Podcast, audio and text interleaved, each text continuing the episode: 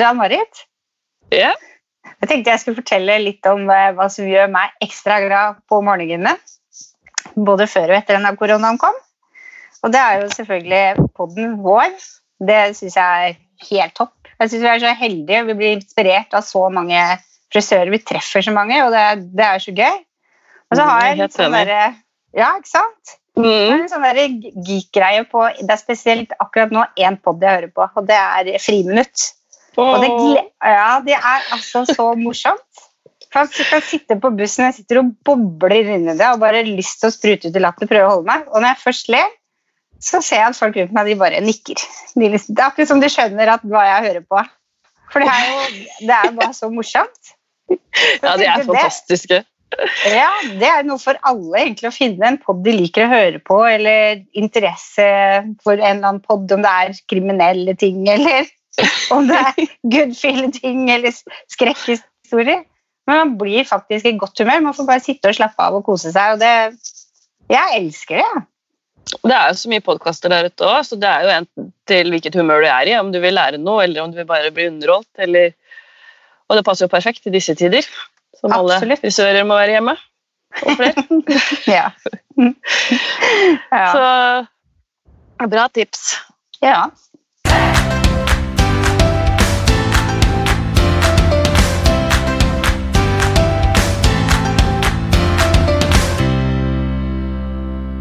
Ja, velkommen til Hårpodden. Heter han Marit?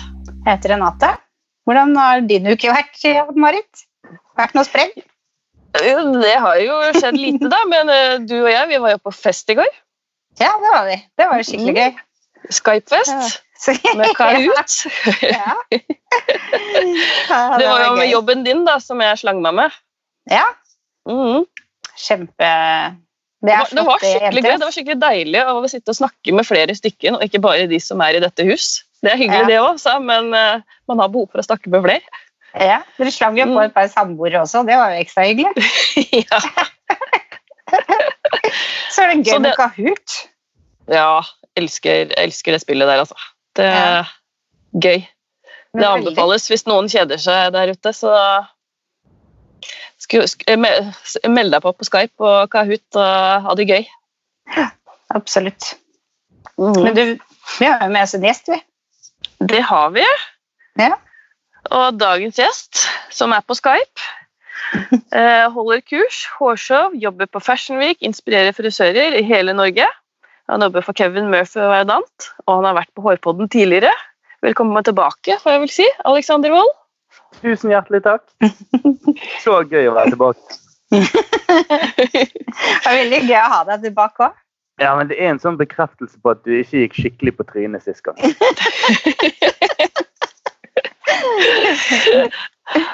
Ja. Det er vel egentlig faktisk tredje gangen du er med, for du var jo med en liten snutt på Årets frisør òg. Ja, jeg snek meg til en ti minutter der òg. Ja. Ja. Vi liker å ha deg på podden.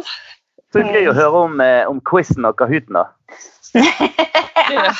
Men det, jeg, har, jeg har startet noe lignende. Jeg samlet uh, hver husstand i familien.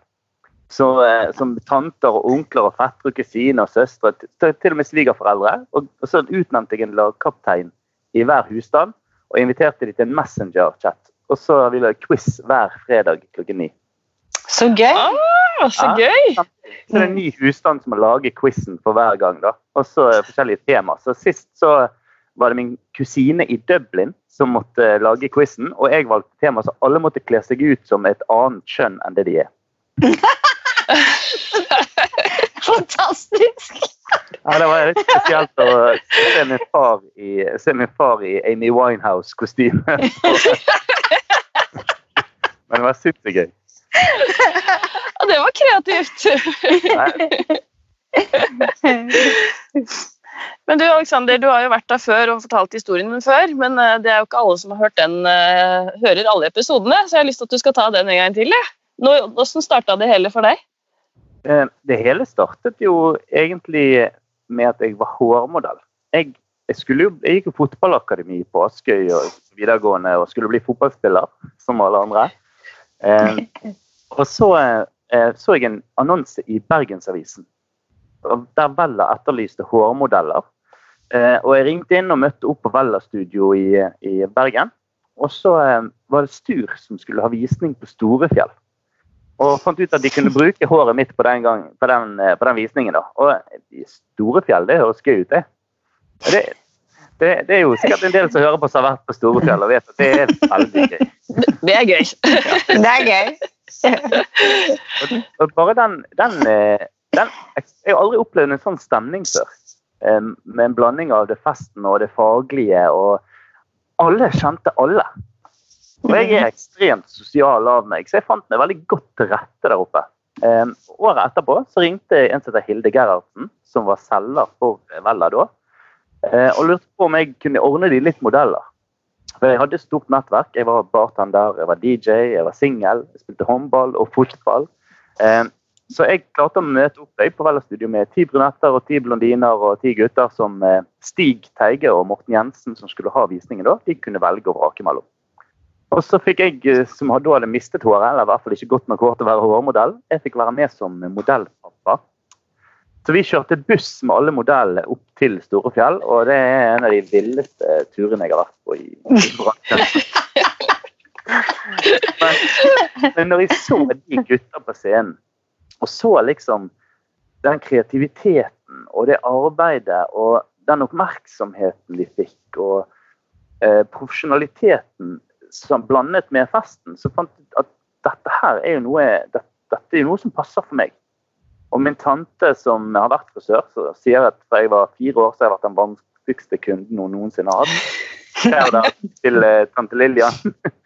Hun, hun, sa at uh, alle brikkene falt på plass når jeg valgte det å hoppe av fotballakademiet og gå begynne på Frisørinstituttet i Bergen. Og det, ja, det er en avgjørelse jeg aldri har angret på. Mm. og så havna du jo på Kevin Murphy til slutt. Hvorfor akkurat Kevin Murphy? Um, ja, hvorfor Kevin Murphy? Det, det, viktigste med den historien her er jo at man havner ikke bare en plass. Man, uh, man får litt hjelp på veien.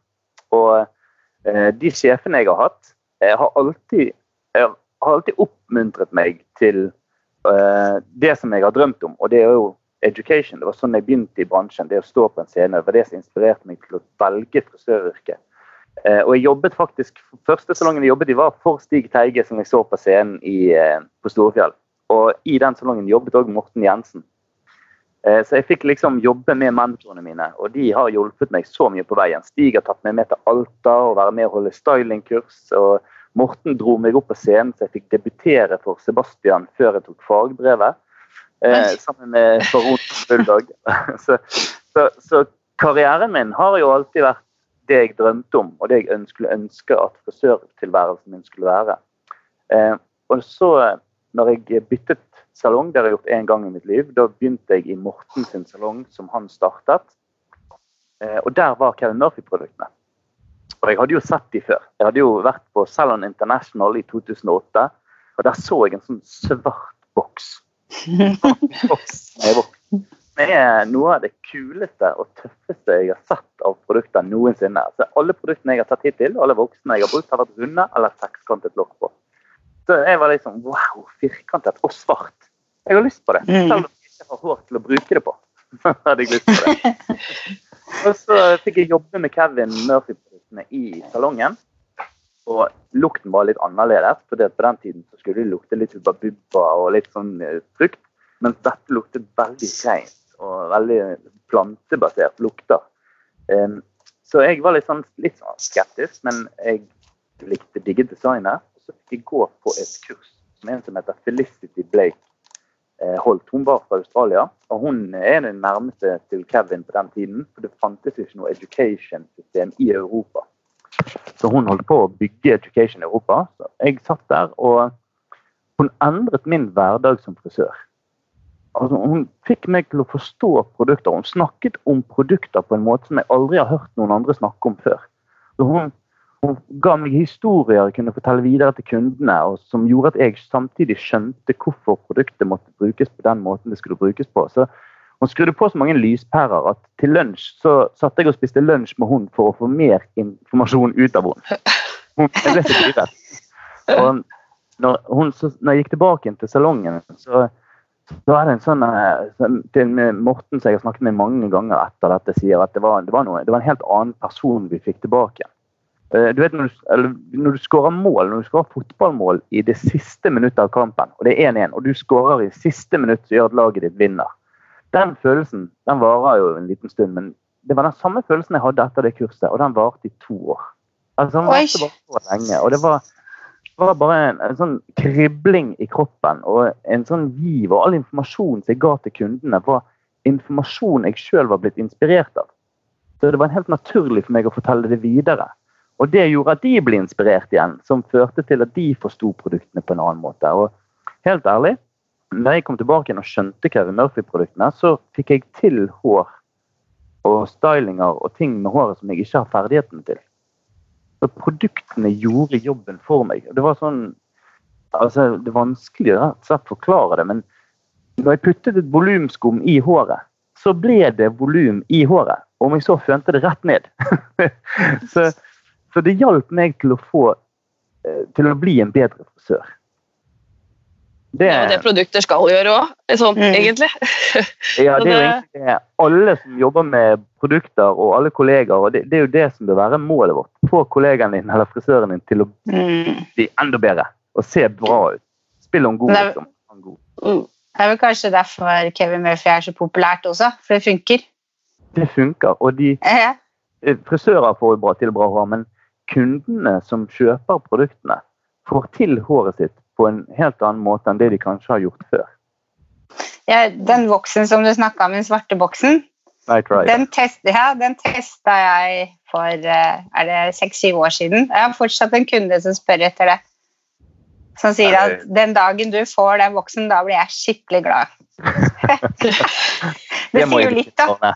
Ja, det, og det, det, er helt annet. Vi opplever en, en lojalitet fra kunden, fra folkene i gaten som jeg aldri har sett maken til før.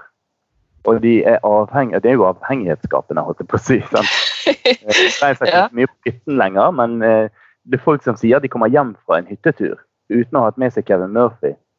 Og mens de har vært på hytten, så har de savnet dusjen sin hjemme. Ja, ikke sant. Mm. Jeg, jeg må bare Ja. Jeg må spørre først. ja, greit. Eh, for du har jo vært veldig målbevisst. at okay, Du ønsker å være educator helt fra starten av, og ble jo det til slutt. Så har du klart å liksom holde deg motivert. For det tar jo litt tid å komme dit, da, fra utdannelsen til å jobbe i salong til å faktisk være der du er i dag. Ja, og det er ikke, en, det er ikke, en, det er ikke gitt det skulle bli sånn. For man, man møter jo hverdagen. Sant? Det er jo ingen som, jeg tror ikke det er mange som blir frisører i dag og begynner på frisørinstituttet eller, eller fagskolen og tenker at de gleder seg sånn til å farge den grå etterveksten til Olga på 65. Jeg tror de fleste drømmer om fashion og det kreative og alle de fine, lekre frisyrene og bølgene de skal lage. Så møter man hverdagen, og så er det liksom eh, den grå etterveksten som gjør at du har eh, råd til å leve. Og det å holde på den den motivasjonen er Jeg tror ting skifter seg veldig. Jeg tror man starter med å tenke på alt det kule man skal gjøre, og ender opp med å tenke på hvor givende det er å få påvirke mennesker til å mm. føle seg så bra. At det spiller ingen rolle hva du gjør med dem, men hvordan. Også, eh, også ta vare på den følelsen og være tydelig og klar med de man, eh, de man jobber for. At dette er den veien jeg har lyst til å gå. Er dette noe du mener jeg kan få til? Eh, er, det, er dette noe vi kan tilrettelegge for? Og snakke med de sjefene sine. Og det gjorde jo jeg tidlig. Stig, som jeg jobbet for, var educator sjøl. Og jeg valgte jo denne veien fordi at jeg ble inspirert av det han gjorde på scenen. Og han har alltid vært flink til å ligge til rette for meg og sagt at hvis du klarer å gjøre dette og dette og dette, så skal jeg åpne den døren for deg. Så det handler ikke om å være på og bryte ned alle dører. og Det handler om å jobbe hardt for de menneskene som kanskje kan åpne døren for deg. Og mm. når de åpner den, ta godt vare på den. For eh, jeg hadde aldri vært der jeg er i dag hvis ikke det hadde vært for at jeg drømte om å gjøre det. Og var villig til å stå til klokken 9-10-11 om kvelden og farge hår for en annen frisør som skal opp og vise det. Og stå mm. backstage og ikke få den creden for det.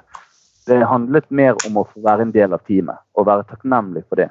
Så jeg, jeg vil påstå at ja, man må ta vare på muligheten når man får den, men, men eh, man, man, må ha hjelp til å finne alle dørene eh, for å komme seg videre. Og jeg tror at hvis man er takknemlig for de mulighetene man får, så er det det som holder motivasjonen din gående.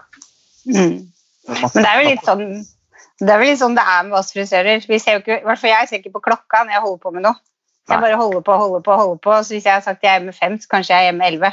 Men jeg tenker ikke på det. Jeg sier ikke unnskyld engang. Jeg bare, jeg bare holder på med det jeg liker, og det er vel det som er med oss. Det er ikke det at vi tenker sånn Spesielt nå, om vi ikke får lov, så er det ikke det Jeg går ikke er redd for regninger og sånt. Jeg bare, jeg vil på jobb, for jeg vil være sammen med teamet mitt, kollegaene mine, gjøre det jeg liker å gjøre.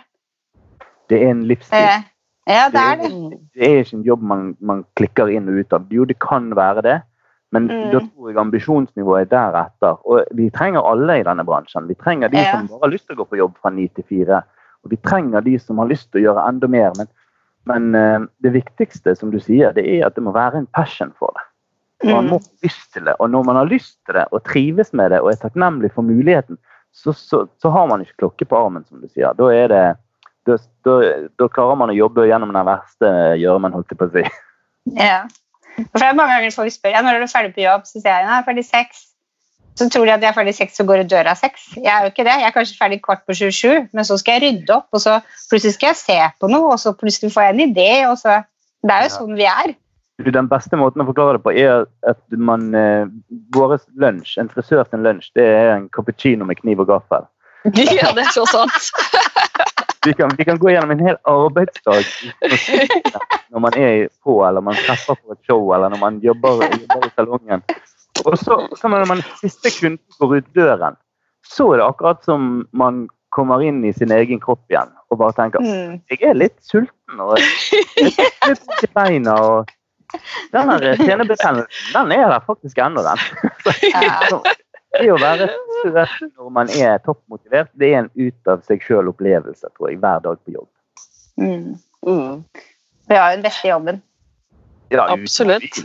Ja, vi har det. Men du, jeg husker når du var hos oss eh, Jeg lurer på om det var når vi var på Årets frisør, så snakka du om at dere, det hadde skjedd noe nytt i forhold til emballasjen og sånn. Eller hadde noen planer om det? Som jeg, Vi var veldig spente på å høre om det. Åh, det, er, det, er, det er så godt å jobbe for eh, et merke som, som tar de standpunktene som eh, Kevin Murphy har gjort. Eh, så vi, det hele begynte egentlig med en educator i USA som eh, ønsket å gi et sånt Four Ocean bracelet, eh, som, til alle som kom på kurs, og ligge det på kursavgiften. Og så dette er jo fiskere som normalt sett fisker, men det var ikke mer fisk å hente. Og så var det noen som betaler de for å fiske opp plasten istedenfor. Og så var det ideen hvorfor gjør, ikke vi, hvorfor gjør ikke vi dette med alt? Hvorfor tar vi ikke plast fra havet og bruker det som emballasje? Og Det som er så gøy med Kevin Murphy, er jo, og, og spesielt Kevin himself, det er jo at når en sånn idé kommer på bordet, så er ikke vi i en posisjon, og vi har ikke samvittighet til å ikke gjøre det. Så det er en så god idé. Og selv om det er ekstremt mye mer kostbart for Kevin, så, så, er, det, så er det en gevinst for absolutt alle. Og bare det å produsere flaskene våre av plast hentet fra havet, og det er way 100% av emballasjen kommer til å være av plast hentet fra havet. Eh, så det å gjøre det er å for det første 75 mindre drivhusgasser av å produsere av resirkulert plast. Og bruker 85% mindre energi enn å lage ny plast. Og så er det noen skumle tall her òg. Vi har 95% av all plast som er produsert i verden, er til engangsbruk. Og 100% av all plast som noensinne er produsert, fins i verden ennå. Så når 95% av det vi produserer i plastikk, bare brukes én gang og aldri forsvinner, så er det et kjempeproblem. 360 tonn eh, klarer vi å hente ut av, eh, av havet hvert år. Det tilsvarer 14,6 millioner plastflasker. Og dessverre er jo det langt ifra nok. Eh, men det er det vi klarer. Og jo større vi blir, jo mer klarer vi å hente opp. Men for å sitte i ditt perspektiv, da. Hvert eneste minutt, hver eneste time, hver eneste dag hver eneste måned hvert eneste år så dumpes det en bossbil eller søppelbil med plast i havet. Hvert minutt. Det er helt vilt. Det er, så, ja, det er ekkelt, rett og slett. Ja, Det er kjempeekkelt. Og Ja, det er jo det. i, I 2050 så vil det være mer plast enn fisk i havet hvis, i vekt. Eh, så, det, så det er jo noe som må gjøres noe med. Og så er det lett for oss i Norge å si at ja, men vi er jo flinke. Vi panter jo alle flaskene våre og resirkulerer i disse grønne konteinerne. Og alle bæreposene fra Rema de henter vi og tar med oss hjem og putt, bruker i søppelspannene våre under eh, vasken på kjøkkenet. Og ja, vi er faktisk utrolig flinke, men det hjelper ikke. fordi at hvis du ser på verdenskartet og hvor det er mest rødt, så er det mye Afrika og Asia der det, veld, der det dumpes veldig mye boss. Eh, og det handler om å vite hvorfor. Og det handler om å ha råd til å gjøre noe annet og ha systemene på plass til å resirkulere. Men den norske kysten er like rød. Og det er fordi at eh, vi ligger veldig uheldig til i forhold til havstrømmene. Så Åtte av ti plastflasker på den norske kysten de er utenlandske.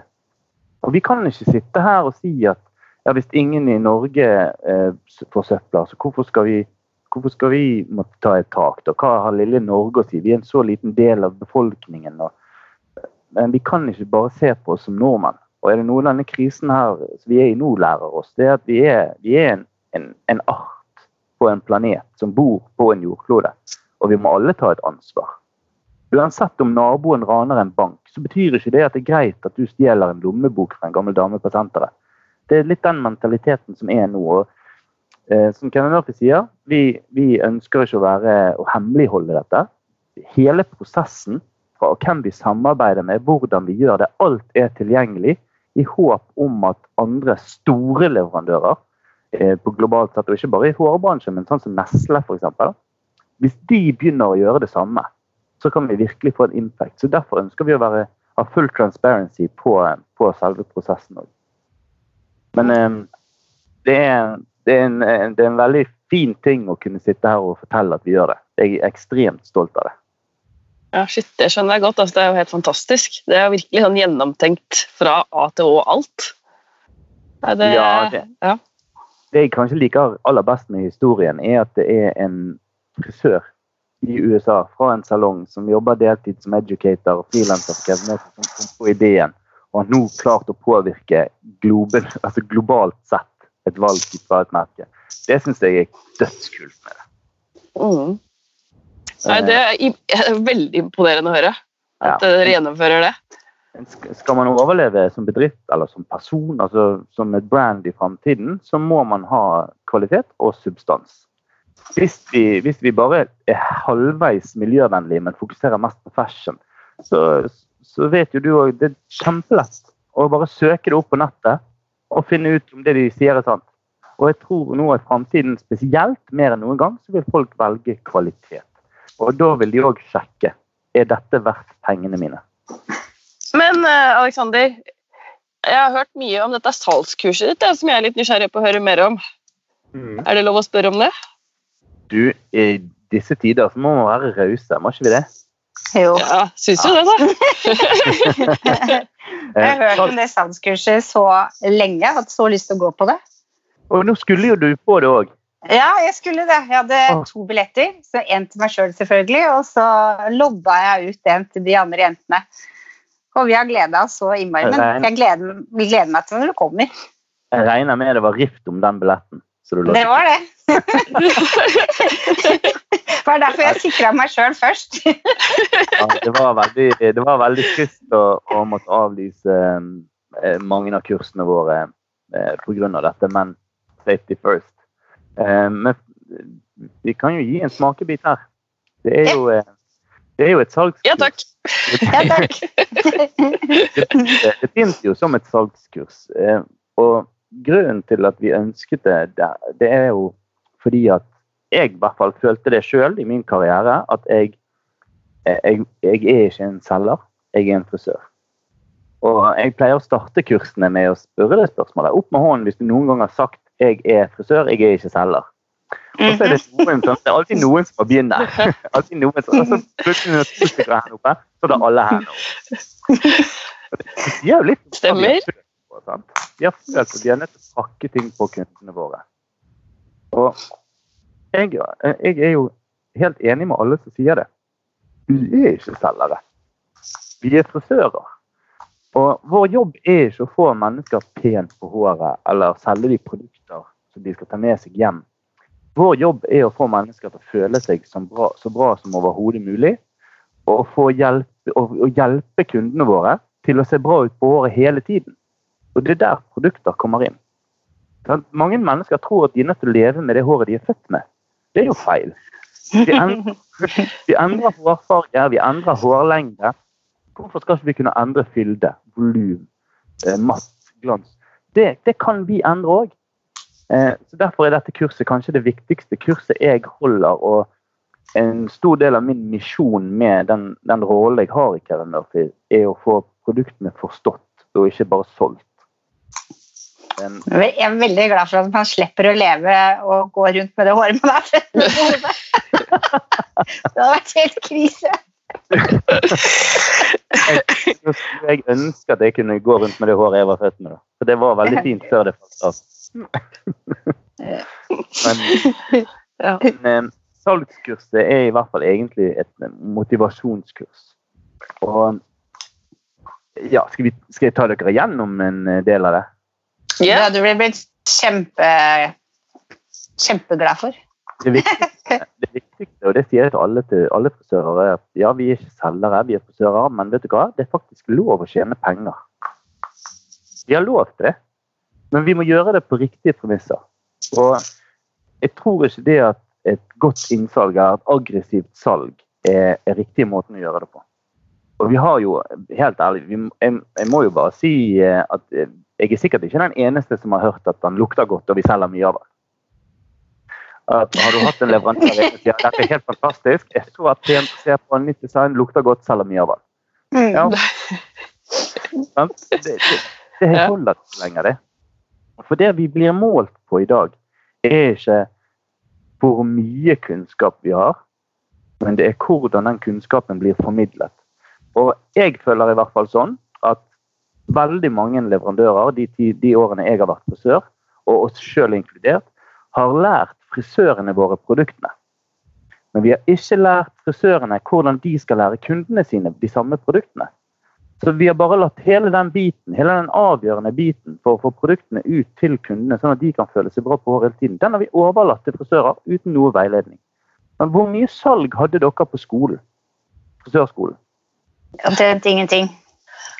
Jeg kunne ikke huske hvilke produkter vi brukte på skolen engang. Jeg måtte sjekke det opp. Og hvor mye salgstrening har man som lærling? Ingenting. Ingenting. Ingenting. Så plutselig i dag blir man svenn, og så kommer man på medarbeidersamtale, og så sier de 'Hvorfor selger ikke du?' Uh, nei, ja, her har du manualen. Uh, du får lese deg opp på produktene, og så får du pugge alle ingrediensene. Og så kommer det en selger inn her i, om en uke, og vi har sittet av 45 minutter, og de skal snakke gjennom produktene. Og Da får man gjerne sånn Ja, den lukter veldig godt, og den er veldig bra for slitt hår, for den inneholder metamorf metamorfika, silkesoyaproteiner. Altså bare et vanskelig ord. Hvor ofte har man som frisør lest bakpå en sjampoflaske og følt seg smart? Ja, eh, Aldri. Nei. Så dette kurset er ment for å gi frisøren et språk og en forståelse eh, som de kan videreføre til kunden. Og for å komme inn på det som vi skal snakke om, så er det viktig å vite hva er, eh, hva er det kundene er opptatt av. Og det er service. Service er den nye valuta. Spesielt nå etter som vi nevnte i sted, etter eh, den krisen vi er i, og vi så det etter finanskrisen òg. Folk slutter å bruke penger på tull. Det er ikke sånn at folk kommer inn i dag og sier åh, den har jeg lyst på, og den har jeg lyst på, og den har jeg lyst på, og nå har jeg brukt 800 kroner, så nå tar jeg den òg, så runder vi opp til 1000. Sånn vil ikke det være lenger. I dag så kommer de inn i salongen for å finne ut er det noe her jeg ikke kan leve uten. Da må jeg ha det. Hvis jeg klarer å leve uten det, og det er ganske mye jeg klarer å leve uten, så trenger jeg det ikke. Da sparer jeg de pengene til noe som er viktig. Eh, så kvalitet det er det vi, som kommer til å være i hovedfokus på både hår Vi ser, vi ser det bare på, på det er et Massimo nevnte det òg. Vi snakker ikke så mye om trender, vi snakker om stil. Og uansett hva stil du har, så er det gjennomgående at det bør være kvalitet i det som er gjort. Ingen hjemmeklipping, hjemmefarging. Det er, på vei ut. Eh, og, og ting skal være gjort ordentlig. Så får vi heller bruke litt mer penger på det og gjøre det litt sjeldnere. Sånn som et par dyre sko. Man har det mye lenger, for man tar bedre vare på det. Man leverer det inn til skomaker og betaler 300 kroner istedenfor å kjøpe seg et nytt par. Eh, så kvalitet er lik i min verden, og dette er mine egne meninger, men kvalitet er lik enkelhet og service pluss hvor lenge dette varer. Og spesielt dette med hvor lenge det varer. Det er kjempeviktig. For den klippen som vi gjør, kan være verdens beste klipp, men med feile produkter vil ikke den klippen vare godt nok og lenge nok. Så noen tall. Vi vet jo at vi snakker veldig mye om hvor ofte vi går til, hvor ofte kundene går til frisøren. I 2006 så var det riktige svaret i Norge eh, syv til åtte ganger i året. Altså hver sjette til åttende uke. I 2016, og dette er tall som jeg har fått fra en stor kjede i Bergen, så er svaret tre og en halv gang i året. Oi. Hver tredje måned. Balayage er ikke blitt en trend bare fordi det er fint. Det er òg fordi det er vedlikeholdsfritt. Ja, det, den tanken har slått meg mange ganger. Ja. Ja. Så Det som er så ekstremt viktig nå, vi må slutte å selge på pris og tilbud. Og husk at vi er i servicebransjen, vi er ikke i salgsbransjen. Så hvis vi tenker at det er service vi konkurrerer på, så konkurrerer ikke vi mot, mot eh, dagligvarebutikkene. Vi konkurrerer mot restaurantbesøk, jentekvelder på byen, en helgetur til London, den nyeste iPhone. Vi konkurrerer med opplevelser som varer eh, og som koster 2000-3000, og, eh, og en opplevelse. Det er det vi er nødt til å vite. Det å gå til frisøren, det er ikke logisk. Det er ingen mennesker noensinne som har dødd av å ikke klippe og farge seg i tide. Dessverre. Det er. Det er ikke klipp og farge vi holder på med. Det å gå til frisøren er emosjonelt. Det er fordi at jeg nettopp har blitt dumpet, eller jeg har dumpet den jeg var sammen med. Eller jeg skal på et jobbintervju. Eller jeg er så dritlei meg sjøl, jeg har lyst til å føle meg fresh. Det er jobben vår. Vi endrer måten folk har det med seg sjøl på. Og når vi vet det, så er det litt andre ting enn to for én vi er nødt til å tenke på. Så vi er nødt til å bygge langvarige relasjoner med kundene våre. Og den eneste måten å gjøre det på, er å spørre kunden hvem er du? Hvor lang tid bruker du på håret ditt om morgenen? Hvor mye er du villig til å investere i å føle deg fin på håret? Og da snakker jeg ikke om penger, da snakker jeg om tid. Eh, og så lage en plan. Og dette er det beste tipset jeg kan gi til alle frisører nå. Det er å lage en plan. Hvis du får Margit i stolen din i februar, og du vet at hun liker å bli blond til sommeren, så ligger en klar plan med henne. Sitt opp en kur i mars. Og sitt opp en, noen, noen babylights i april. Og en klipp og en kur igjen i mai. Sånn at når hun kommer til juni, så er ikke det en så stor eh, påkjenning for håret. Og det er heller ikke en så stor kostnad fordi at du har laget en plan for henne. For det jeg kan si uh, ut ifra den forskningen som vi gjør på sluttforbrukerne, så er det at det å slutte hos planen sin er vanskeligere enn å slutte hos frisøren sin. Så det, hvis, jeg må bytte, hvis jeg må bytte frisør i april, så betyr det at jeg må lage en ny plan. Og den rekker jo ikke jeg til juni. Så har du laget en plan og satt opp timer seks måneder fram i tid, så vil du beholde kunden din, og du vil bygge en langvarig relasjon. Pluss at du bryr deg. Og de frisørene som kommer til å lykkes mest framover, er de som bryr seg mest om hvem kunden i stolen er. Samlebånd, det vil forsvinne rimelig fort. Så det er i hvert fall påstanden. Og så har jeg lyst til å gi dere noen tall på hvorfor kundene våre faktisk slutter. Eh, og det Ja, er den har jeg. Ja, den er, begynner jo litt morbid. da. 1 de dør. Av meg. Ja, den, er litt, den er litt sånn alle, 100 av kundene og alle sammen skal dø en dag, men i løpet av karrieren din så vil 1 dø. 3 flytter. Dette er europeiske tall. Eh, Og 3% den, er, den vil øke. Og vi i Norge, Sverige, Danmark, Finland, Skandinavia drar den litt ned.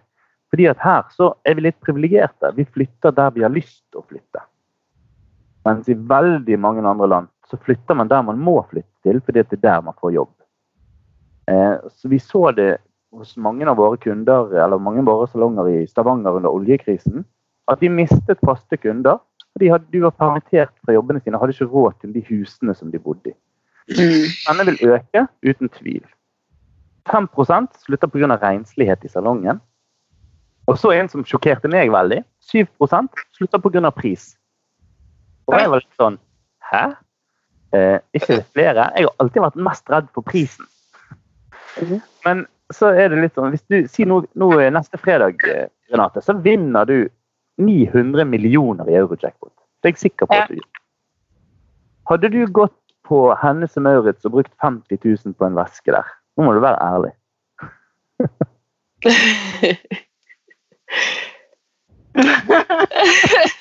jeg kan svare for deg, slipper du. Jeg, jeg, hadde ikke gjort det.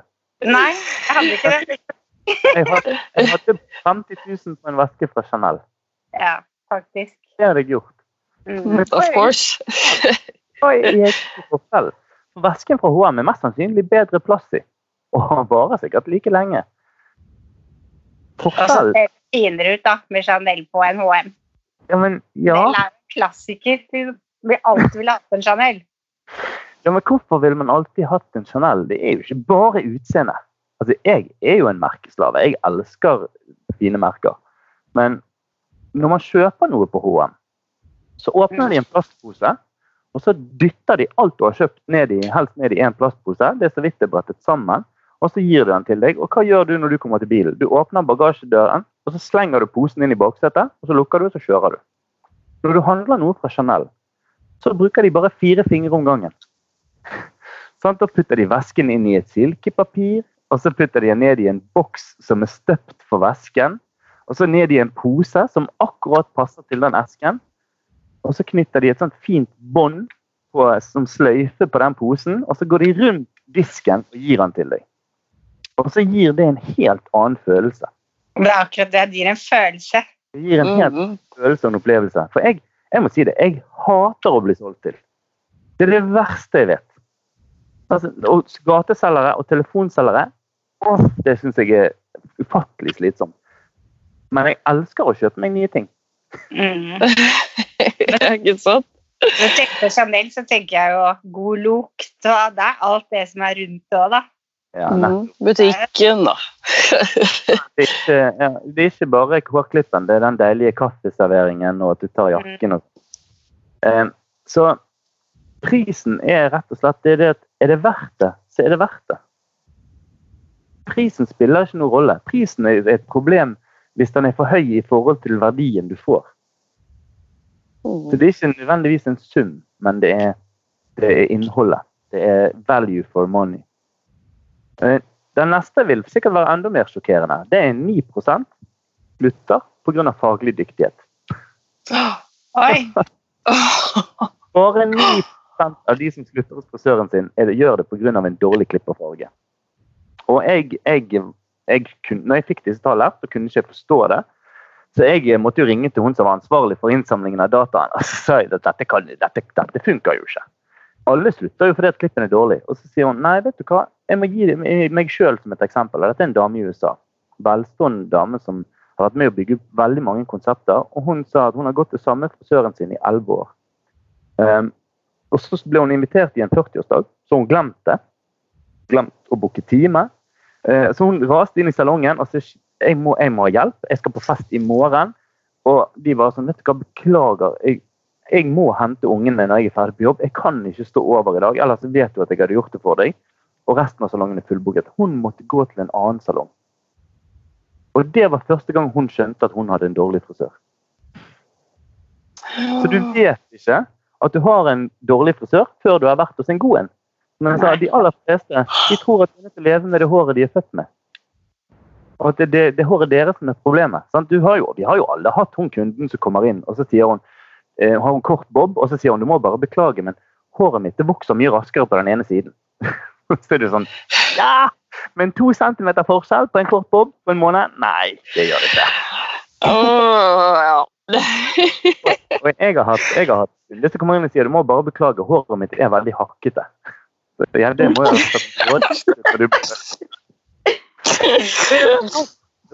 Ja, noen har et hår som er ekstremt avslørende. Og som ser bra ut der og da, men så er det en eller annen vask, så ser du hver eneste, hvert eneste feiltrinn. Eh, og, og, når det er sagt, vær så snill alle på kun for frisører. Slutt å henge ut forrige frisøren til noen kunden du har. Det kan være hva som helst. Ikke gjør det. Ser ikke bra ut. Uansett hvor fint resultat du klarte å få til. Um, Men rett og slett faglig dyktighet er fordi at en kunde ser ikke forskjell på en 80% bra klipp og en 100% bra klipp. De, de er fornøyd så lenge luggen ikke står i 90 graders vinkel rett ut når de våkner om morgenen.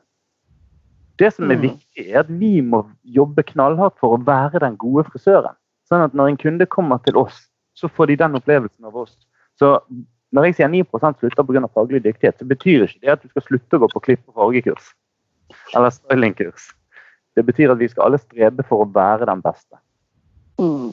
Neste posten det er 11 det, og det er den fine venninnen. De fleste av oss har en venninne er- eller en venn vi syns er litt finere enn oss sjøl. Hvis, hvis du ikke har det Hvis du ikke har det, så hvis du tenker vet du jeg har faktisk ingen venner som er finere enn meg. Ikke Da er det sikkert så godt. Ja, da har du et problem. Jeg har, eh, jeg har i hvert fall en sånn kompis, og vi kan ta på oss akkurat de samme klærne.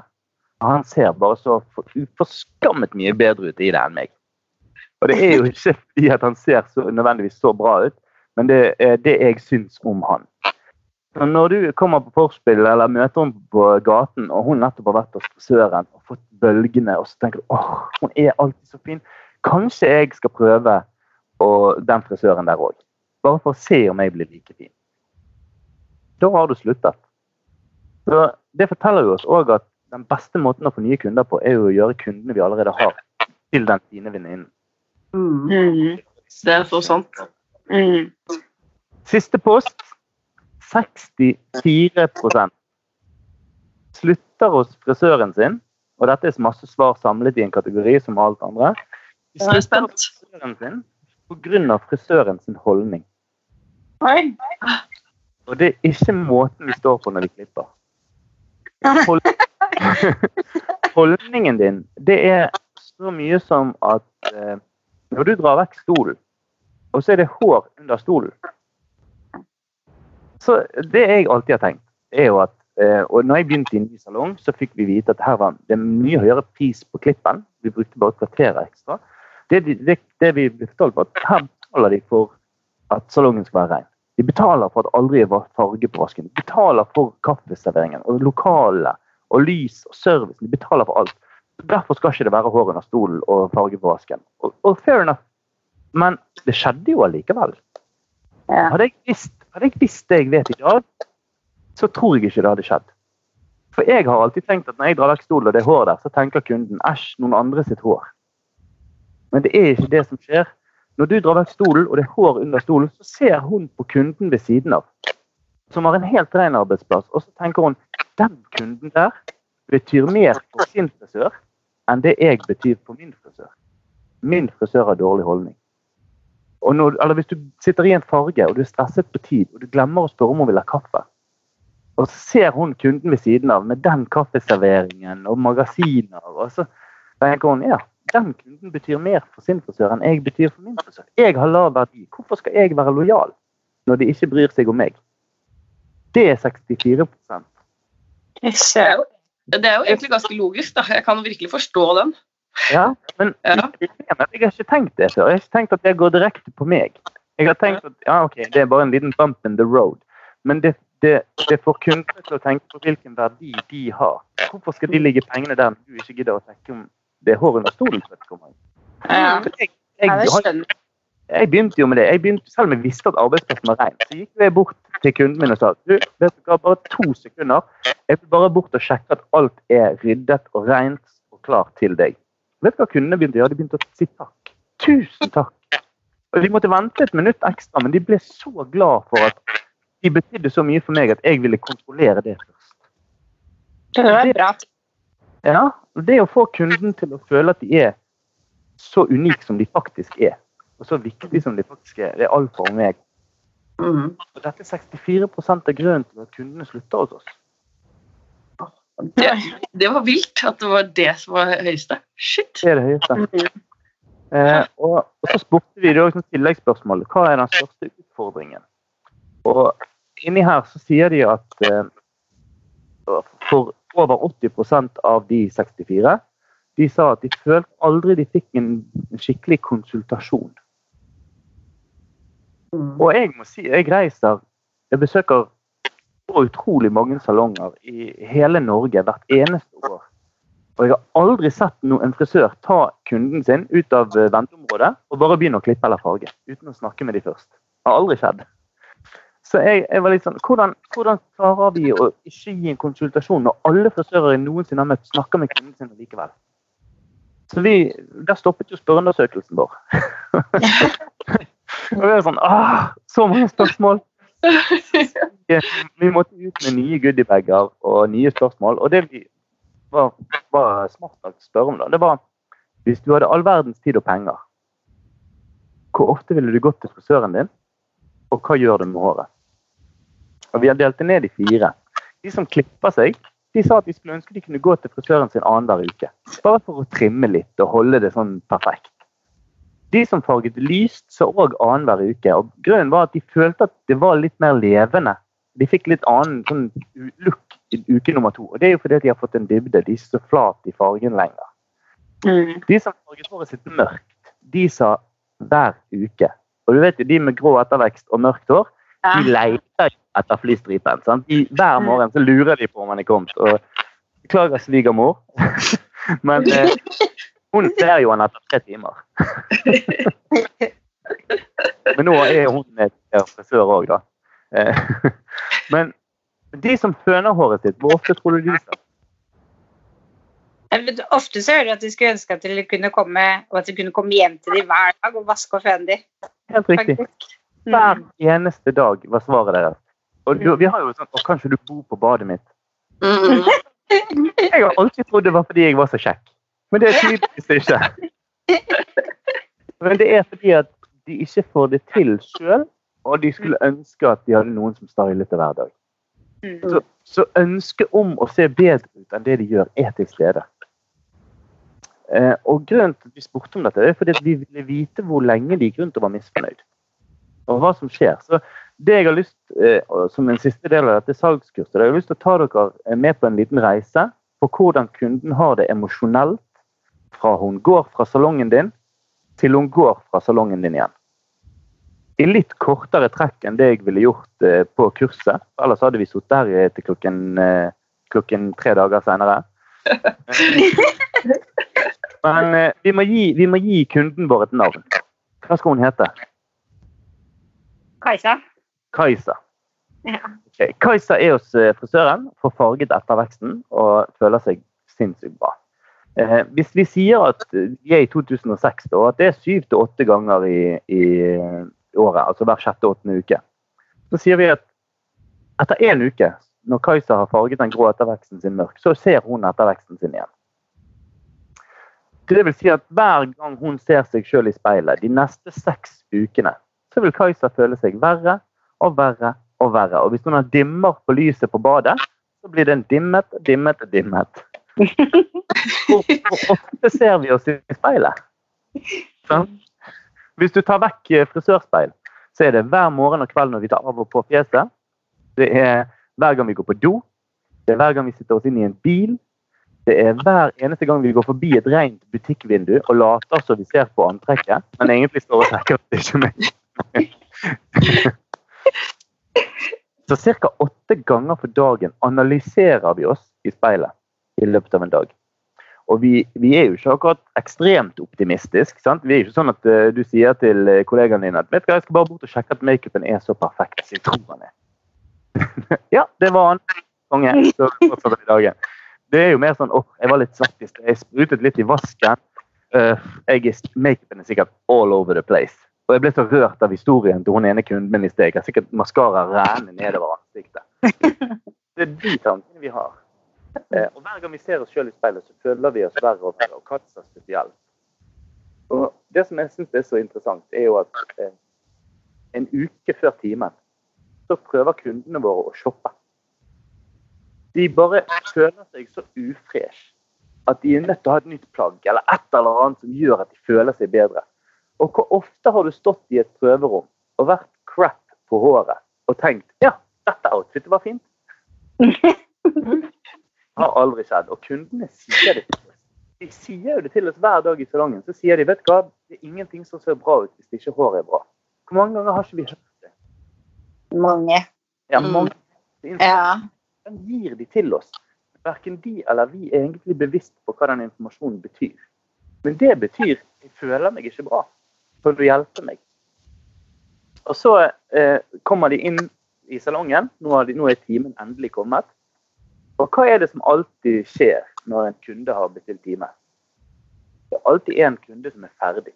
Din forrige kunde, hun heter Vienna. Og hun flyter bort til kassen på Louboutin-skoene sine og betaler med gullkort og sitter seg ut i Ferrarien og kjører hjem til slottet der hun er gift med en prins. Og det er sånn Doris eller Kajsa ser på hun. Og husk å komme inn i en salong der alt handler om å være fin på håret. Mm. Den siste personen inn i salongen vil uansett føle at de er styggest på håret. Og det er ikke noe god følelse. Og, og hva er det vi ondskapsfulle frisører så gjør? Jo, vi henter Kajsa vi fra det deilige venteområdet og putter henne foran det mest avslørende lyset, mest avslørende speilet hun noen.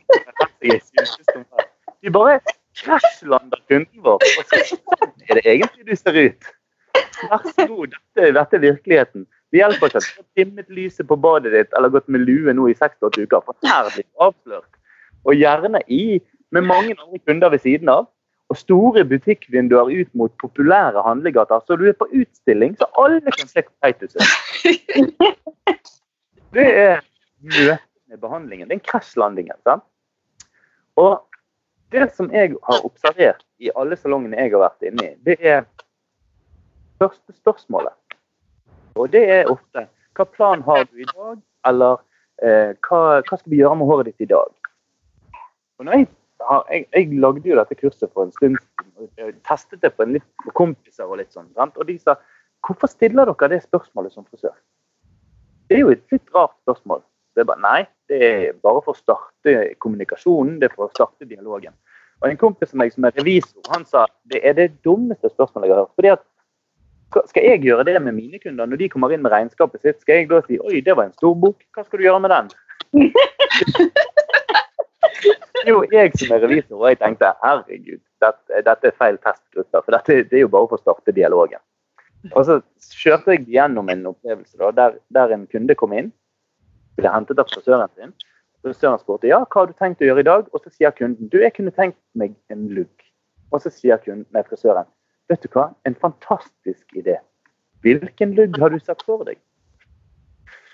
Problemet her er at kompisen min reagerte igjen. Han ba, bare Men hvorfor skal du bestemme luggen? Det er jo du som kan det. Mm. Ja, faen, kanskje de har et poeng. Eh, og det som skjedde der, var at frisøren fikk ikke tid eh, til å bli ferdig med den konsultasjonen. For Hun så på klokken at dette begynte å gå langt over tiden, så hun måtte bare ta kunden til vasken. Og så sa de vi blir enige om den luggen senere når vi kommer til luggen. Og i vasken, her er der de fleste kunder sier at dette er den beste opplevelsen med å være hos frisøren. Mm. Det er vekk fra speilet. Det er litt lenger bak i lokalet. Det er, ingen, det er litt mer roligere belysning, kanskje litt annen musikk. Deilige dufter, god massasje. Og forandringen er begynt. Når er den verste opplevelsen? Det er Hæ? druk den verste opplevelsen hos frisøren det er druknet hund uten sminke i tinningen sitt rommet, som er foran speilet igjen etter vasken. Så vi går fra den beste opplevelsen og rett bort til den verste opplevelsen. Og, og så for, jeg, vi, jeg ga jo de en fiktiv fortelling, så det som skjedde her var jo at kunden eh, gjorde, frisøren gjorde alt riktig. Gredde håret pent bakover, la håndkle på skuldrene og går for å hente saksene sine. Og her reagerte veldig mange. De sa uff, vet du hva det dere forteller nå, det er det verste jeg vet. Og jeg var sånn Hæ, hva mener dere? Jeg skjønner ikke. Hva er det dere snakker om? Hva er det verste? Og de sier vet du hva, når en frisør står der med meg, så er jeg under behandling. Men når frisøren min forlater meg, så er jeg bare en dust på utstilling. Det er Så kleint. Jeg fikk det dårlig samvittighet, for jeg må helt innrømme jeg, jeg har gått ifra 99% av alle kundene mine for å hente en saks, for å hente en krølltang, for å hente en telefon eller ta en telefon. Jeg har forlatt de for der al- altså, alle kundene, over 90 svarte at det syntes de var forferdelig. Det å sitte seg foran speilet igjen med vått hår i et miljø på utstilling. Og jeg har forlatt dem. Og det verste av alt er at frisører vi fikser ikke den følelsen. Vi begynner å klippe. Og så snakker vi om Kardashians og Paradise Hotel og ja, har du sett hva som skjer der, og har du sett på nyhetene og sett det. Vi fikser ikke det. Så i 45 minutter nå, hvis vi tar en gjennomsnittlig klippetid, da Hvor mye av det som skjer i speilet, tror vi at kunden egentlig forstår? Tror du, tror du, tror du kunden skjønner hvorfor vi pointer, eller hvorfor vi slicer, eller hvorfor vi deler inn der vi gjør? De gjør egentlig ikke det. Så i 45 minutter nå så går de kundene våre inn i en state of mind som sier 'jeg skjønner ikke', 'jeg forstår ikke'. Og når er det vi anbefaler stylingprodukter? Det er når vi skal style. Mm. Etter 45 minutter med 'jeg skjønner ingenting'. Så Hvis jeg skal forklare en sjampoflaske, og jeg går gjennom hver eneste vanskelige ingrediens bakpå, og så skal etterpå skal overbevise deg om at det er et veldig enkelt produkt, så har jeg feilet. Det å klatre fra 'jeg skjønner ikke' til 'ja, men styling får jeg til', det er nesten umulig. Eh, og så Det som jeg syns er interessant, og det som bekrefter litt dette her, det er jo at kundene akkurat til de ikke ser håret sitt før vi tar av de frisørkappen. Har dere merket det? At når du tar av kappen, så er det sånn Å ja, er det sånn jeg ser ut på håret? Ja, men du har jo sett, har jo sett håret ditt i ti minutter nå, ferdig stylet. Greien er at når, når vi tar av de kappen, så tenker kunden nå er hun ferdig å tulle med håret mitt. Nå kan jeg registrere det. Nå får jeg se hvordan det blir. Ja. Jeg er i min state of mind som sier at dette som skjer nå, har ikke jeg peiling på, så jeg får bare vente til vi er ferdig. Eh, og kunder ombestemmer seg som regel å kjøpe ting eller handle ting når de går fra stolen sin og bort til kassen. Spesielt eh, kvinner, syns jeg, for min egen del. Nå snakker kun for min egen del. Men jeg er litt sånn, når jeg husker koden min, så må jeg huske koden.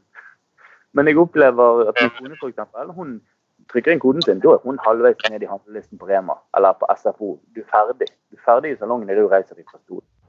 Så hva, vi, hva, gjør vi veldig ofte? Vi spør er det noe mer du trenger. Eh, og hva svarer de da? Nei, du, jeg må bruke opp det jeg har. Ja. Og hva mener de egentlig med jeg må bruke opp det jeg har? Det er det jeg kaller for the box of broken dreams. Det er den halvfulle boksen under, nei, den fulle boksen under vasken. Halvfulle sørprodukter som aldri holdt det de lover. Så jeg, jeg syns det er kjempevanskelig. fordi at vi, i, i, Midt oppi denne emosjonelle berg-og-dal-banen, som er så følelsesmessig, så har vi eh, selgere og vi leverandører i så mange år prøvd å tvinge inn et salg i tillegg. Og der, og det eneste hun vil, er å føle seg bra. Og den beste måten å selge produkter på, som vi har gjort, er å spille på den dårlige følelsen de har. Sånn at si at ja, du føler deg ikke bra nå, men kjøper du dette, så blir du bra. Så vi, har, vi har gitt et tilbud som skal fikse en følelse. Vi har gitt noe mekanisk og kaldt som skal fikse noe emosjon. Og det kolliderer som regel. Og vi frisører, jeg vil påstå at vi er ekstremt sosiale, emosjonelle mennesker. Vi, en ting er at vi tar på mennesker hver dag, men vi berører mennesker hver dag. Og vi blir berørt av mennesker hver dag emosjonelt. Salg passer ikke inn i hverdagen vår, spesielt ikke aggressivt salg. Så bare til alle frisører som lytter på, så vil jeg på vegne av alle leverandører, og dette er litt cocky, men jeg vil beklage. Fordi at vi har prøvd å lære dere å selge produkter på en måte som ikke er riktig. På en måte som gjør at vi konkurrerer med netthandel, og som gjør at vi konkurrerer med Rema 1000. Det er ikke, der vi skal gjøre, det er ikke den jobben vi skal gjøre i det hele tatt. Et eksempel. Når en kunde sier at hun har tørt, flatt og frizzy hår, så har vi tvingt dere til å pugge produkter. Og så, så Når kunden sier jeg har tørt, flatt og frizzy hår, så skal vi si ja, men du vet hva, da kjører du bodybuilder, smooth og hydrate me. Det er veldig veldig bra fordi at det gir håret ditt fuktighet. Og det er litt sånn, For meg så, er, så har vår bransje, leverandørbransjen, vi har puttet et produkt imellom problemet og løsningen. For løsningen er aldri produktet. Løsningen er frisøren produktet er verktøyet. Så når jeg har dette kurset med kundene våre, så sier jeg at dette stedet her, så sier jeg at fra nå av er det forbudt å si Kevin Murphy til kundene deres. Det er forbudt å si navnet på produktene. For hvis en kunde vil ha volum, og har flatt hår. Men hvis en kunde har flatt hår, så vil hun ha volum. Hun vil ikke ha bodybuilder, hun vil ha volum. Hvis en kunde har tørt hår, så vil hun ha fuktighet. Hun vil ikke ha hydrate new wash, hun vil ha fuktighet. Det er universalt. Min sønn på åtte år vet at hvis jeg har tørt hår, så vil jeg ha noe vått i det.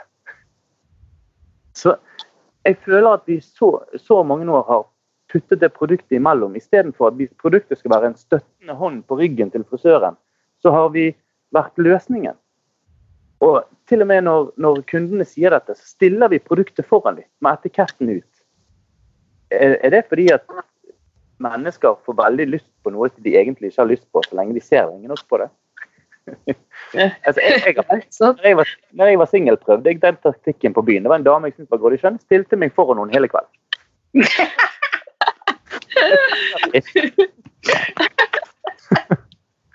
så, så, det er en sånn aggressivt salg. Det er sånn, Se på dette, da. Se hvor fint det er. Kjøp det, da. Kjøp det, da. Kjøp det, da. Og det er sånn som jeg blir helt dårlig av. Eh, og jeg mener at den eneste måten en leverandør og en frisør kan samarbeide på, det er å gjøre frisøren bedre. Den mm. eneste samvittighetsfulle måten Kevin Murphy kan lykkes på i Norge, er hvis vi får frisørene våre til å få flere kunder. Og det er en naturlig resultat av det vil, vil være at flere kjøper produktene. Det er den eneste måten vi kan samarbeide på. Jeg, jeg nekter å gå inn og lære folk salgstriks og, og ingrediensspråk. Som, for Jeg tror ikke man blir en bedre frisør av å kunne alle ingrediensene. Jeg tror man blir en bedre frisør av å formidle det på en måte som gjør at kunden føler hun får hjelp. For folk er dritlei av å bli solgt til. De trenger hjelp. Og Det er det vi skal gjøre. Vi er ikke selgere, vi er hjelpere. Så, det er ikke noe gøy å lære seg ingredienser heller. Men det er gøy å lære seg hvordan ting funker, og se at du har resultat på det. Ja, og jeg sier, Hvis du er interessert i ingredienser, så vær så snill, for det finnes mange mennesker der ute som òg er det. Men, ja.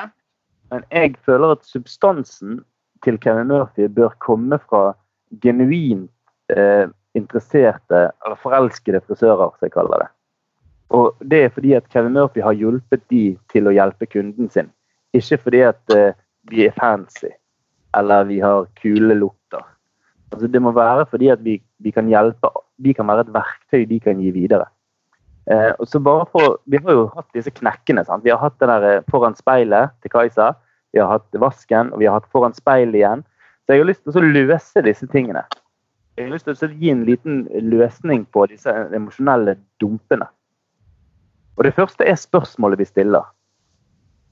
Det Istedenfor å spørre hva eh, har du lyst til i dag, eller hva drømmer du i dag? For, altså, la oss være ærlig, Hvor mange ganger har vi sett fjeset til Jennifer Aniston i frisørsalongen?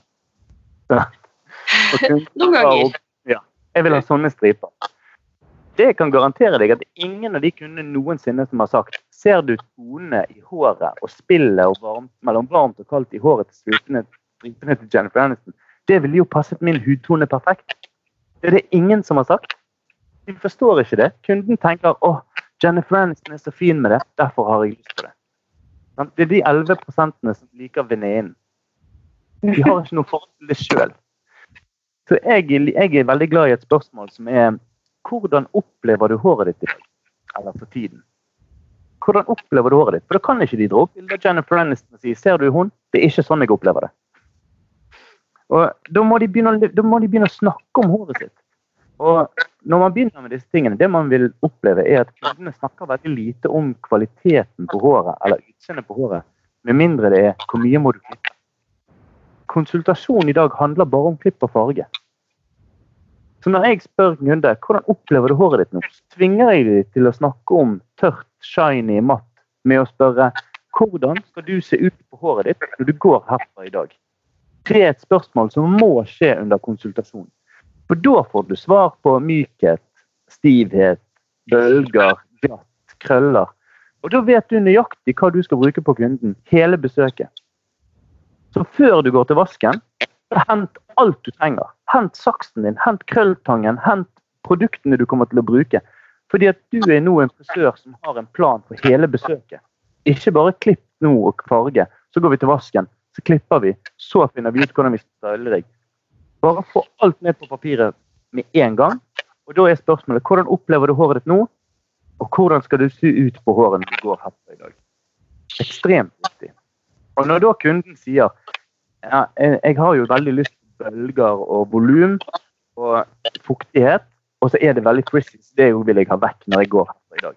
Så vet du hva produktene man bruker, men du får ikke lov å si det. Da skal du si Vet du hva? Da skal jeg gi deg fuktighet, jeg skal gi deg volum, og jeg skal smoothe ut håret ditt. Og dette er et språk vi allerede bruker med klipp og farge.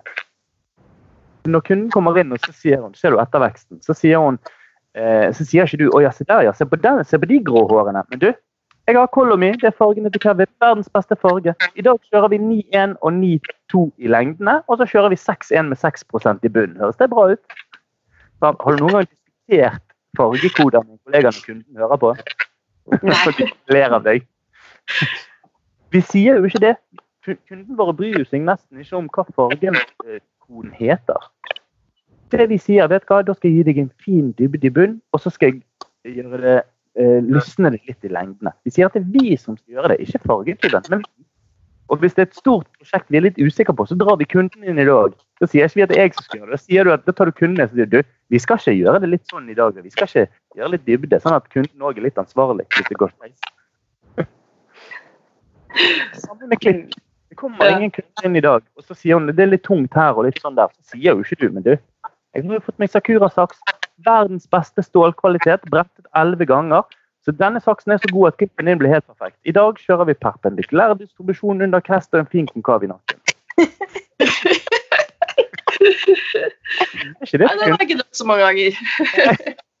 Sier hva?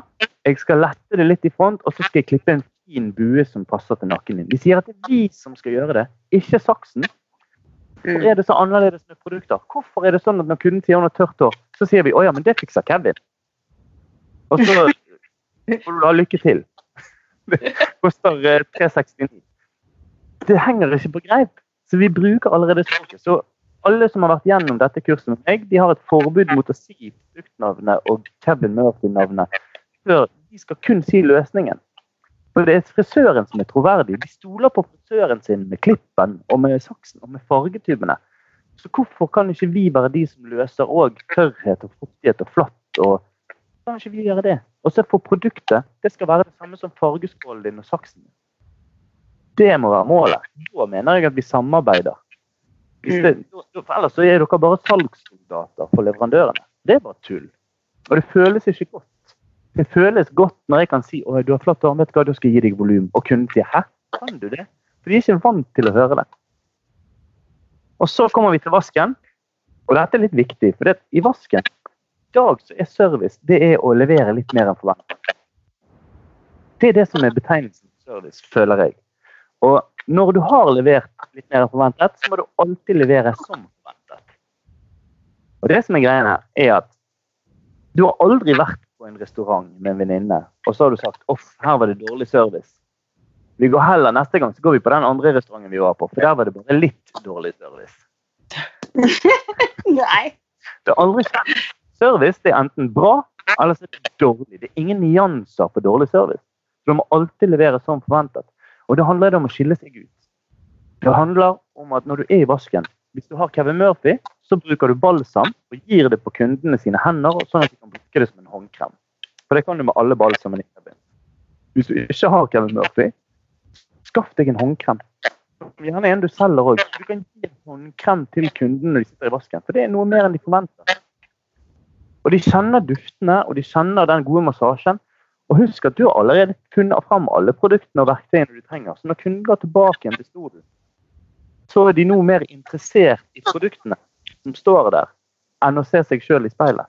Så du har fjernet den, den bompumpen i veien der. Du har gitt, skapt interesse istedenfor alt er vanskelig og jeg føler meg ikke bra. Og så vil jeg gjerne at dette er et smart, Gjør du alt dette riktig, så vil nok de aller fleste kundene plukke med seg produktene. Ta de med seg bort til kassen og si 'dette må jeg ha'. Fordi Det har handlet om følelsen i håret. Det har ikke handlet om at se nå sprayer jeg bodybiter i håret ditt, f.eks. Så det handler om hva du har gitt dem. Eh, så det å kjøpe produktet blir det samme som å kjøpe klippen og fargen. Men det er ikke alle som gjør det. Et smart spørsmål i kassen, det kan være Jeg noterer det jeg bruker på deg nå. Neste gang du kommer, vil jeg veldig gjerne vite hvordan du syns det har funket i håret. Det er smart. Det betyr ikke at du er nødt til å kjøpe det. Det betyr at du er opptatt av hvordan hun følte at det virket i håret. Du er opptatt av håret til kunden, ikke at hun skal kjøpe produktene. Og greien er at det gir en commitment òg til kunden. For når de går ut av frisørsalongen, så er de ferdige hos deg. Tenker ikke de så mye mer på håret sitt om deg. Det, og det ser man veldig godt at i frisørsalongen, og det elsker jeg med frisørsalonger. Det beste jeg vet med frisørsalonger, det er at kundene er så flinke av å skryte av seg sjøl. Når de sitter og ser fargen sin og sier 'åh, det ble fint', det de egentlig ser, er at det jeg liker meg sjøl, det jeg ser i speilet nå, det liker jeg. Og det er vi altfor lite flinke til å si til vanlig. Og så møter man en venninne på gaten rett etterpå, og så sier man har du vært hos frisøren? Ja, han har bare vært og fikset litt. så, så, prøver man å dempe det litt, for man har ikke lyst til å bli oppfattet Jeg har bare vært der de siste tre timene, men uh... Ja, sant. Jeg har bare brukt 4000 kroner på dette, men det var bare sånn jeg våknet. med å si jeg vil gjerne vite hvordan du opplevde dette i håret, så gir du dem en commitment. Og det som skjer er at når de våkner dagen etterpå, så vil de faktisk tenke på deg og de produktene du brukte. Så du bevarer den opplevelsen hos frisøren mye lenger. Og vi er nødt til å levere to ting. Vi er nødt til å levere opplevelse og problemløsning. Og den håndkremen er en enormt stor del av opplevelsen. Så Alle balsamene som holder håndkrem? Jeg må bare spørre. Kevin, ja. Alle. Alle. Absolutt alle. Det er spennende. Ah, wow. Hvordan opplever du håret ditt? Hvordan skal du se ut på håret ditt når du går herfra i dag? Gi dem en opplevelse med vasken som ikke bare er hår, hårvask. Og i kassen still spørsmålet jeg vil gjerne vite hvordan disse produktene har funket i håret ditt. Så jeg noterer hva vi har brukt. For din, den tilbakemeldingen du gir meg, er ekstremt viktig. Men når du kan bruke den balsamen som håndkrem, kan man bruke den som bodylotion òg? Mm. Ja. Ja, for det høres jo helt genialt ut. For ofte så vasker du jo håret med ting du syns lukter godt. Og så smører jeg det etterpå også, så det er jo fantastisk. Du kan behandle hele kroppen.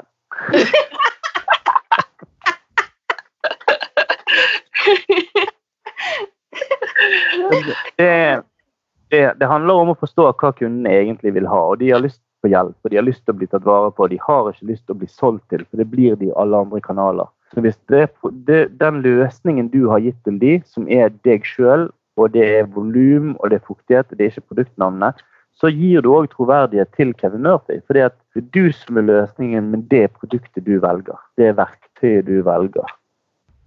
Det jeg, jeg mener at ikke, man skal ikke forvente å få et salg i kassen hver eneste gang. Men hvis du f.eks. har Kevin Murphy, så kan du banne på at den kunden går hjem og prøver den balsamen hun har kjøpt på Rema, og prøver den som håndkrem. Og det går ikke. Så, nå merker hun kvalitetsforskjellen med en gang. Mm. Det er helt genialt.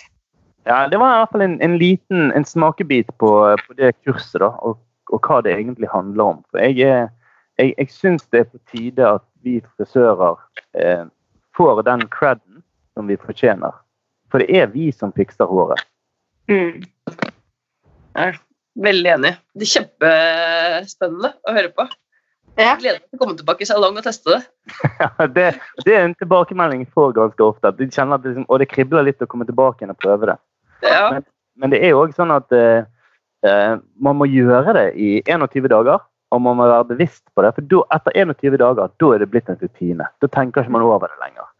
Men å ha en kunde i stol som man har hatt i seks år, og så plutselig skal snakke om disse tingene her, så begynner de litt sånn Du, hva så feil av deg, da? Du, du er så annerledes. Hva er det som skjer? Nå kan du faktisk legge skylda på at vi har vært innesperra i fire-fem uker, da. Ja, og det, jeg, det sier jeg til alle. Det sier jeg til alle som har vært på kurset. Så sier jeg hvis det er ubehagelig, skyld på meg. Si at du har vært på kurs med en masete bergenser som har tvunget deg til å gjøre det. Ja. Du, det, var, det, det, var, en annen ting han sa, han som ringte fra kontoret, som sa har, Er du ledig? Jeg var egentlig ikke ledig. Har du fem minutter, eller et par minutter, så tenkte jeg par minutter til en bergenser. det ble fort et kvarter, liksom. Ja, ja. Det var det Svein du har snakket med? Ja, det var en det var vel en av sjefene, tror jeg, som ringte. Og, ja, ja, det er Svein. Svein Sundsø. Han var veldig flink. Det var logisk, det han sa. Ja, han er dyktig. Veldig, veldig dyktig. Men du, jeg lurer på, jeg lurer på en helt annen ting. Ja. Du er jo firebarnsfar. Ja. Du reiser jo land og strand og gjør så enormt mye. Åssen er du Ja. tidtatt? tid tatt?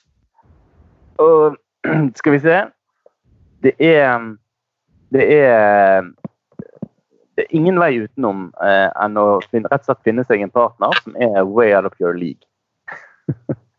Så det, jeg, har, jeg har en kone som er helt ekstremt dyktig. Eh, ikke bare med ungene, men òg med meg. Så hun har en, hun har evne til å Hun har skapt en struktur i, i familiens hverdag eh, som gjør at med god planlegging, så, eh, så funker det. Og når jeg er hjemme, når jeg er i Bergen, så kan jeg levere og hente i barnehagen hver dag. Og eh, vi har en ordning òg, så jeg syns det er perfekt. Siden jeg får sove så mye på hotell i løpet av et år, så skulle det bare mangle at jeg er den som står opp med ungene når vi har fri, og så hun får sove litt ekstra. Så Ja. så, eh, det er, det er Men jeg, jeg, jeg hadde jo aldri klart det hvis jeg ikke hadde hatt eh, min kone. Hun er, hun er primus motor i, eh, i alt som skjer. Eh, så jeg er for det første kjempeheldig som får lov til å gjøre det. Og så har vi òg en forståelse av at eh, selv om man er gift og man, har et parforhold, så, så har man òg to forskjellige liv. Og hvis man ikke har det, hva skulle man da ha snakket om? ja, Sant. Og så er det jobben min. og jeg har, har jeg, Det er ikke sånn at det plutselig har blitt sånn. Jeg har jo alltid hatt mange jern i ilden. Jeg har alltid drevet med fotball og håndball og DJ-ing og bartending fra vi ble sammen av for snart elleve år siden. Så, så det er jo, det har alltid vært et høyt tempo. Eh, og så har vi, har vi fantastiske barn som sover mye. det er alfa og omega. Ja. Det er jo mange frisører som har lyst og drømmer om å ha en type jobb som du har, men som tenker at det ikke går når du kombinerer det med familie. Er det Eh, noen tips? Ja, jeg har noen tips til dem, og det er at eh, før, man, før man starter på drømmen, så, så eh, som jeg nevnte litt innledningsvis òg, eh, ta en prat med sjefen din. Ta en prat med, med din, eh, din partner. Og, og så prøv å legge opp en plan på hvordan det kommer til å fungere. For det er veldig få frisører i dag som har fulle lister hver eneste dag. Så du kan effektivisere listene dine eksempel, med å gjøre, jobbe med kursing eller frilansing mandag og tirsdag, og heller jobbe lengre dager, onsdag, torsdag, fredag og kanskje et par ekstra lørdager. Sånn, sånn at du får effektivisert listene dine. Eh, Mm. og så er det, er det prioritering. Altså Man får alltid tid til det man har lyst. Og hvis man dropper treningssenteret eh, fordi at man vil gjøre hår, så klarer man det. Vi har ekstremt mange flere timer i døgnet enn en, enn eh, det man skulle tro. Altså, hvis man Still deg sjøl et spørsmål. Hvis du sletter Facebook og Netflix, hvor mye tid har du i løpet av døgnet ditt da til overs? Ja, masse. Det er sant. Men sånn i forhold til treningsstudio, da, så kan du faktisk stå opp litt tidligere og gå på det før du begynner på jobb. Ja. ja, det kan man hvis man har eh, selvdisiplin og til å legge seg tidligere. Ja, Der er jeg dårlig. Men, eh, nei, men, men greien er at man, man gjør aldri noe sånt alene. Og selv om, om man så skulle være singel, så trenger man hjelp av venner, av kollegaer og spesielt av sjefer til å tilrettelegge en sånn plan og, og em, jobbe smart. Så hvis man virkelig har lyst til det, så finner man tid til det. Eh, men eh, for min del så er det kjempeviktig at det ikke går utover den familien jeg har, og eh, at jeg ikke blir lei.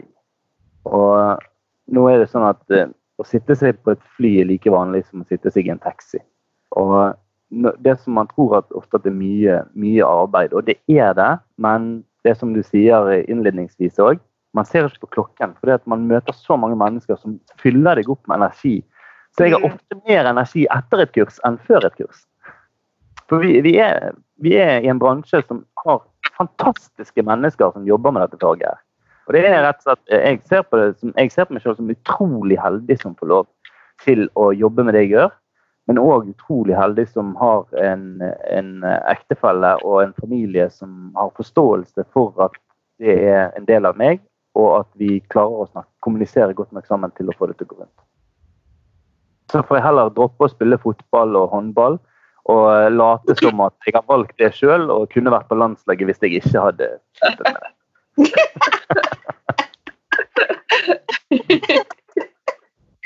Fire barn, fire barn er fire barn. Det er mange barn. Og vi, er- òg heldige, heldige som har mye nær familie rundt, som er veldig flinke å stille opp. Vi har besteforeldre som elsker å være med de, og tanter og onkler i nærheten, og fettere og kusiner og søstre og brødre. Så vi er en litt sånn gresk familie som, eh, som henger mye bra sammen. Ellers hadde det aldri fungert. Eh, nå sitter jo de fleste frisører hjemme i disse tider. Har du noen tips til dem? Ja, det har jeg. Og jeg, jeg skrev et innlegg på kun for frisører eh, for ikke så veldig lenge siden. For jeg, jeg ser det at den dugnaden som vi alle holder på med nå, er selvfølgelig viktig. Og, og vi som ansatte, ja, vi kan synes at dette er kjipt, og det er lov å synes at det er kjedelig å få mindre lønn. Og, og vi skal være bekymret for at vi ikke får være med kundene våre og for ikke være på jobb. Men det er òg noen daglige ledere der ute og noen bedriftseiere som i tillegg til de samme bekymringene vi har, òg må tenke på om de har jobb til alle de, sine ansatte som de er glad i når dette er over. Og som må ta kjempetøffe beslutninger. Så Én ting er å få beskjed om at du er blitt permittert. En annen ting er å sitte og måtte tenke på å fortelle det til noen og, og, formidle den beskjeden og ta de tøffe avslutningene. Så jeg vil at, jeg vil, jeg vil at dette skal være en liten shout-out til alle som er arbeidsgivere, og som har salonger rundt i landet vårt, som kjenner på det, at det er kanskje de som har permittert, de som er permittert. Og at de har noe tøft, og de jobber knallhardt og de står på for å holde salongen i live. Og det som vi som ansatte frisører kan gjøre, det er å være en enda bedre utgave av oss sjøl når vi kommer tilbake igjen. Og det er å bruke tid og sitte av og Husk beholde struktur i hverdagen er kjempeviktig. Sånn, jeg ser det på, på han eldstegutten min som går på skole nå. Vi sitter av tid til å gjøre lekser. Vi prøver å holde en så normal hverdag som mulig i forhold til tidspunktene. Og som frisør i dag så må du kunne unne deg, om det er på kvelden eller morgenen eller midt på dagen, men unn deg tid til opplæring. Det finnes så mye gratis education som flyr rundt på både Instagram, på podcaster, på YouTube nå.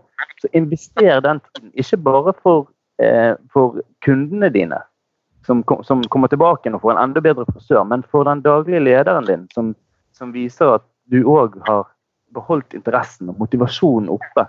Og ser at du er et stjerneansatt som kommer tilbake med ny giv og ny kunnskap, og du har vært hjemme og øvd. Men mest av alt gjør det for deg sjøl. Altså. Kjenn, kjenn, på det at du har brukt denne tiden her til å bli en bedre frisør. For etter dette så vil folk bruke penger på kvalitet. Og den kvaliteten har du muligheten til å påvirke nå. Mm. Folk har vært veldig flinke til å liksom legge ut eh, tips og triks, eh, ser jeg, i disse tider. Det er kjempebra. Dere også.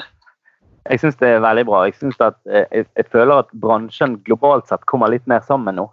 Ja. Jeg, jeg, synes at vi, raus, jeg elsker den rausheten som oppstår nå. Mm. Eh, at alle liksom tar vare på seg sjøl, på hverandre. og Alle deler så mye. og Vi er blitt en bransje eh, som står sammen i krisen, istedenfor salong mot salong. og Det syns jeg er veldig veldig godt å se. Mm. Det er det som er målet vårt òg. ja, og der syns jeg dere gjør en veldig god jobb. Og dere har utrolig fin podkast, og jeg syns det er veldig veldig kjekt at dere har skapt en plattform for Frisør-Norge der, der, vi får lov til å dele og får lov til å bli inspirert. Ja,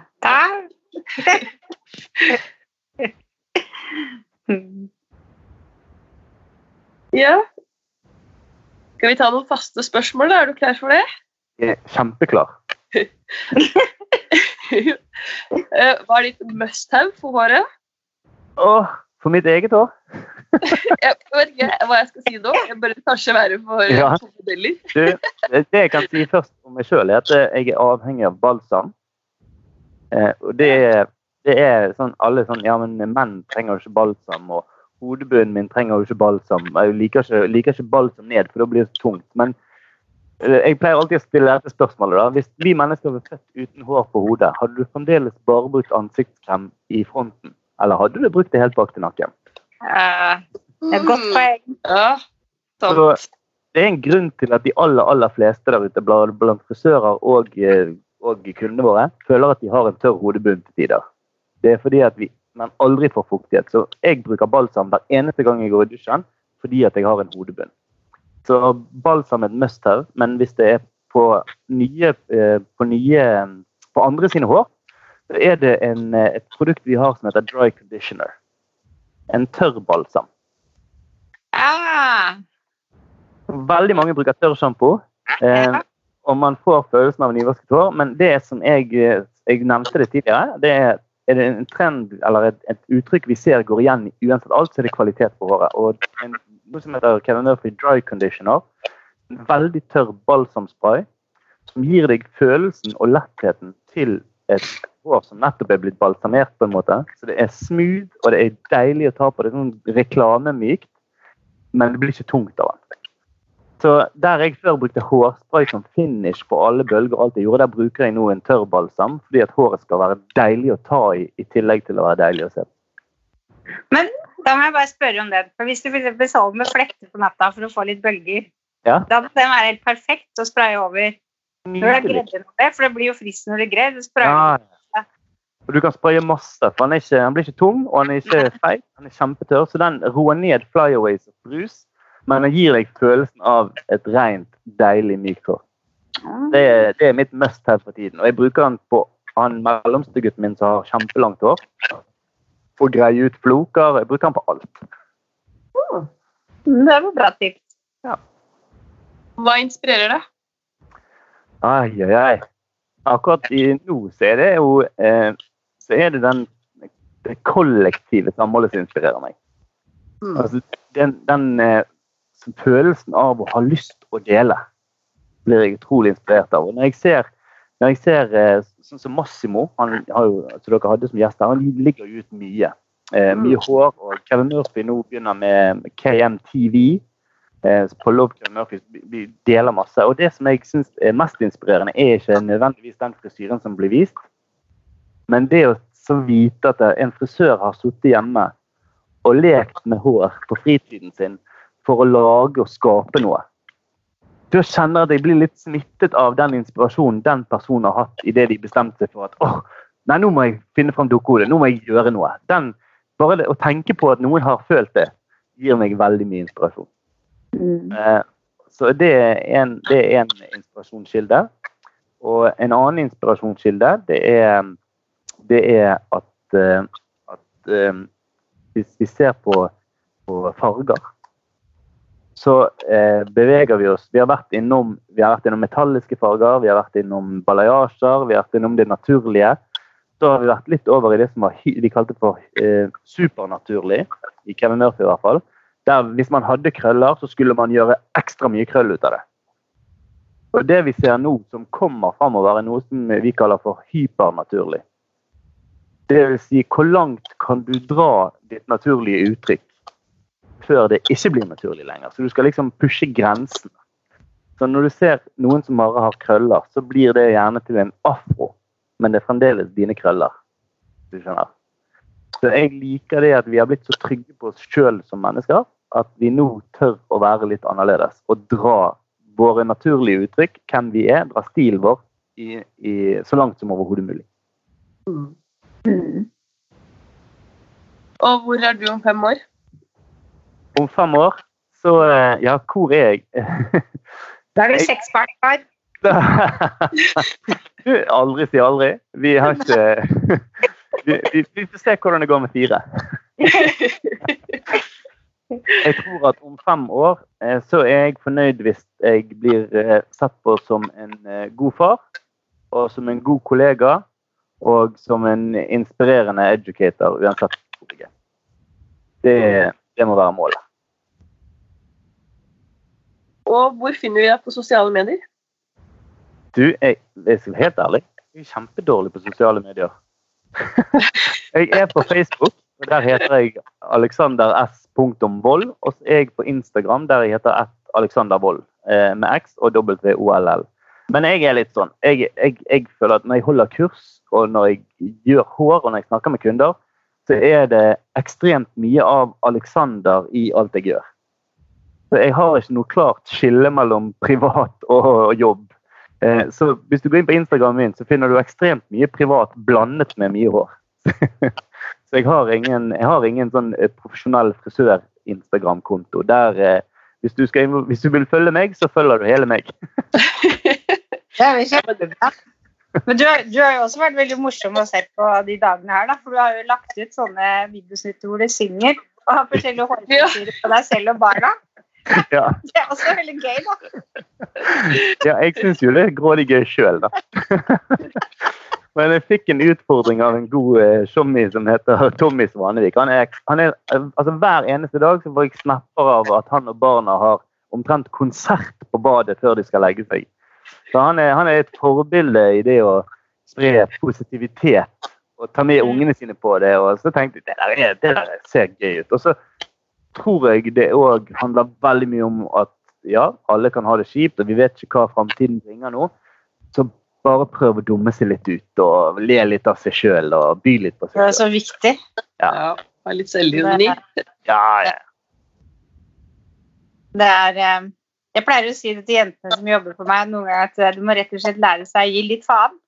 Ja. Bare det er gøy, rett og slett. Jeg, jeg kan si det sånn at uh, min, uh, mitt liv ble så sinnssykt bra etter jeg begynte å bestemme meg for å drite i hva folk syns om meg. Ja.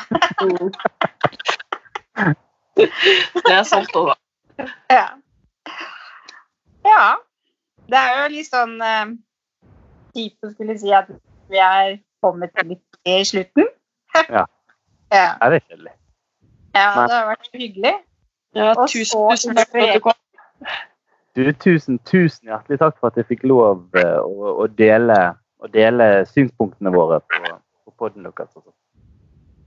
Vi kommer garantert til å spørre deg igjen, så det sier litt om hvor fornøyd vi er med deg. vet du. Ah, så bra. Og jeg er med, og dere vet dere er alltid hjertelig velkommen hvis dere ønsker å være med på hele prosessen når vi har visninger og kurs. Så er dere alltid invitert. Det vil vi gjerne. Og så vil takker for at uh, lytterne våre følger oss og hører på. Og så har jeg lyst til å spørre om uh, dere kan tenke abonnerer på poden vår blir vi veldig veldig glad for hvis dere tar litt tid til å gjøre det. Gjerne noen stjerner òg, hvis dere har litt tid til overs om dagen. Og så høres vi neste uke. Ha det. Ha det.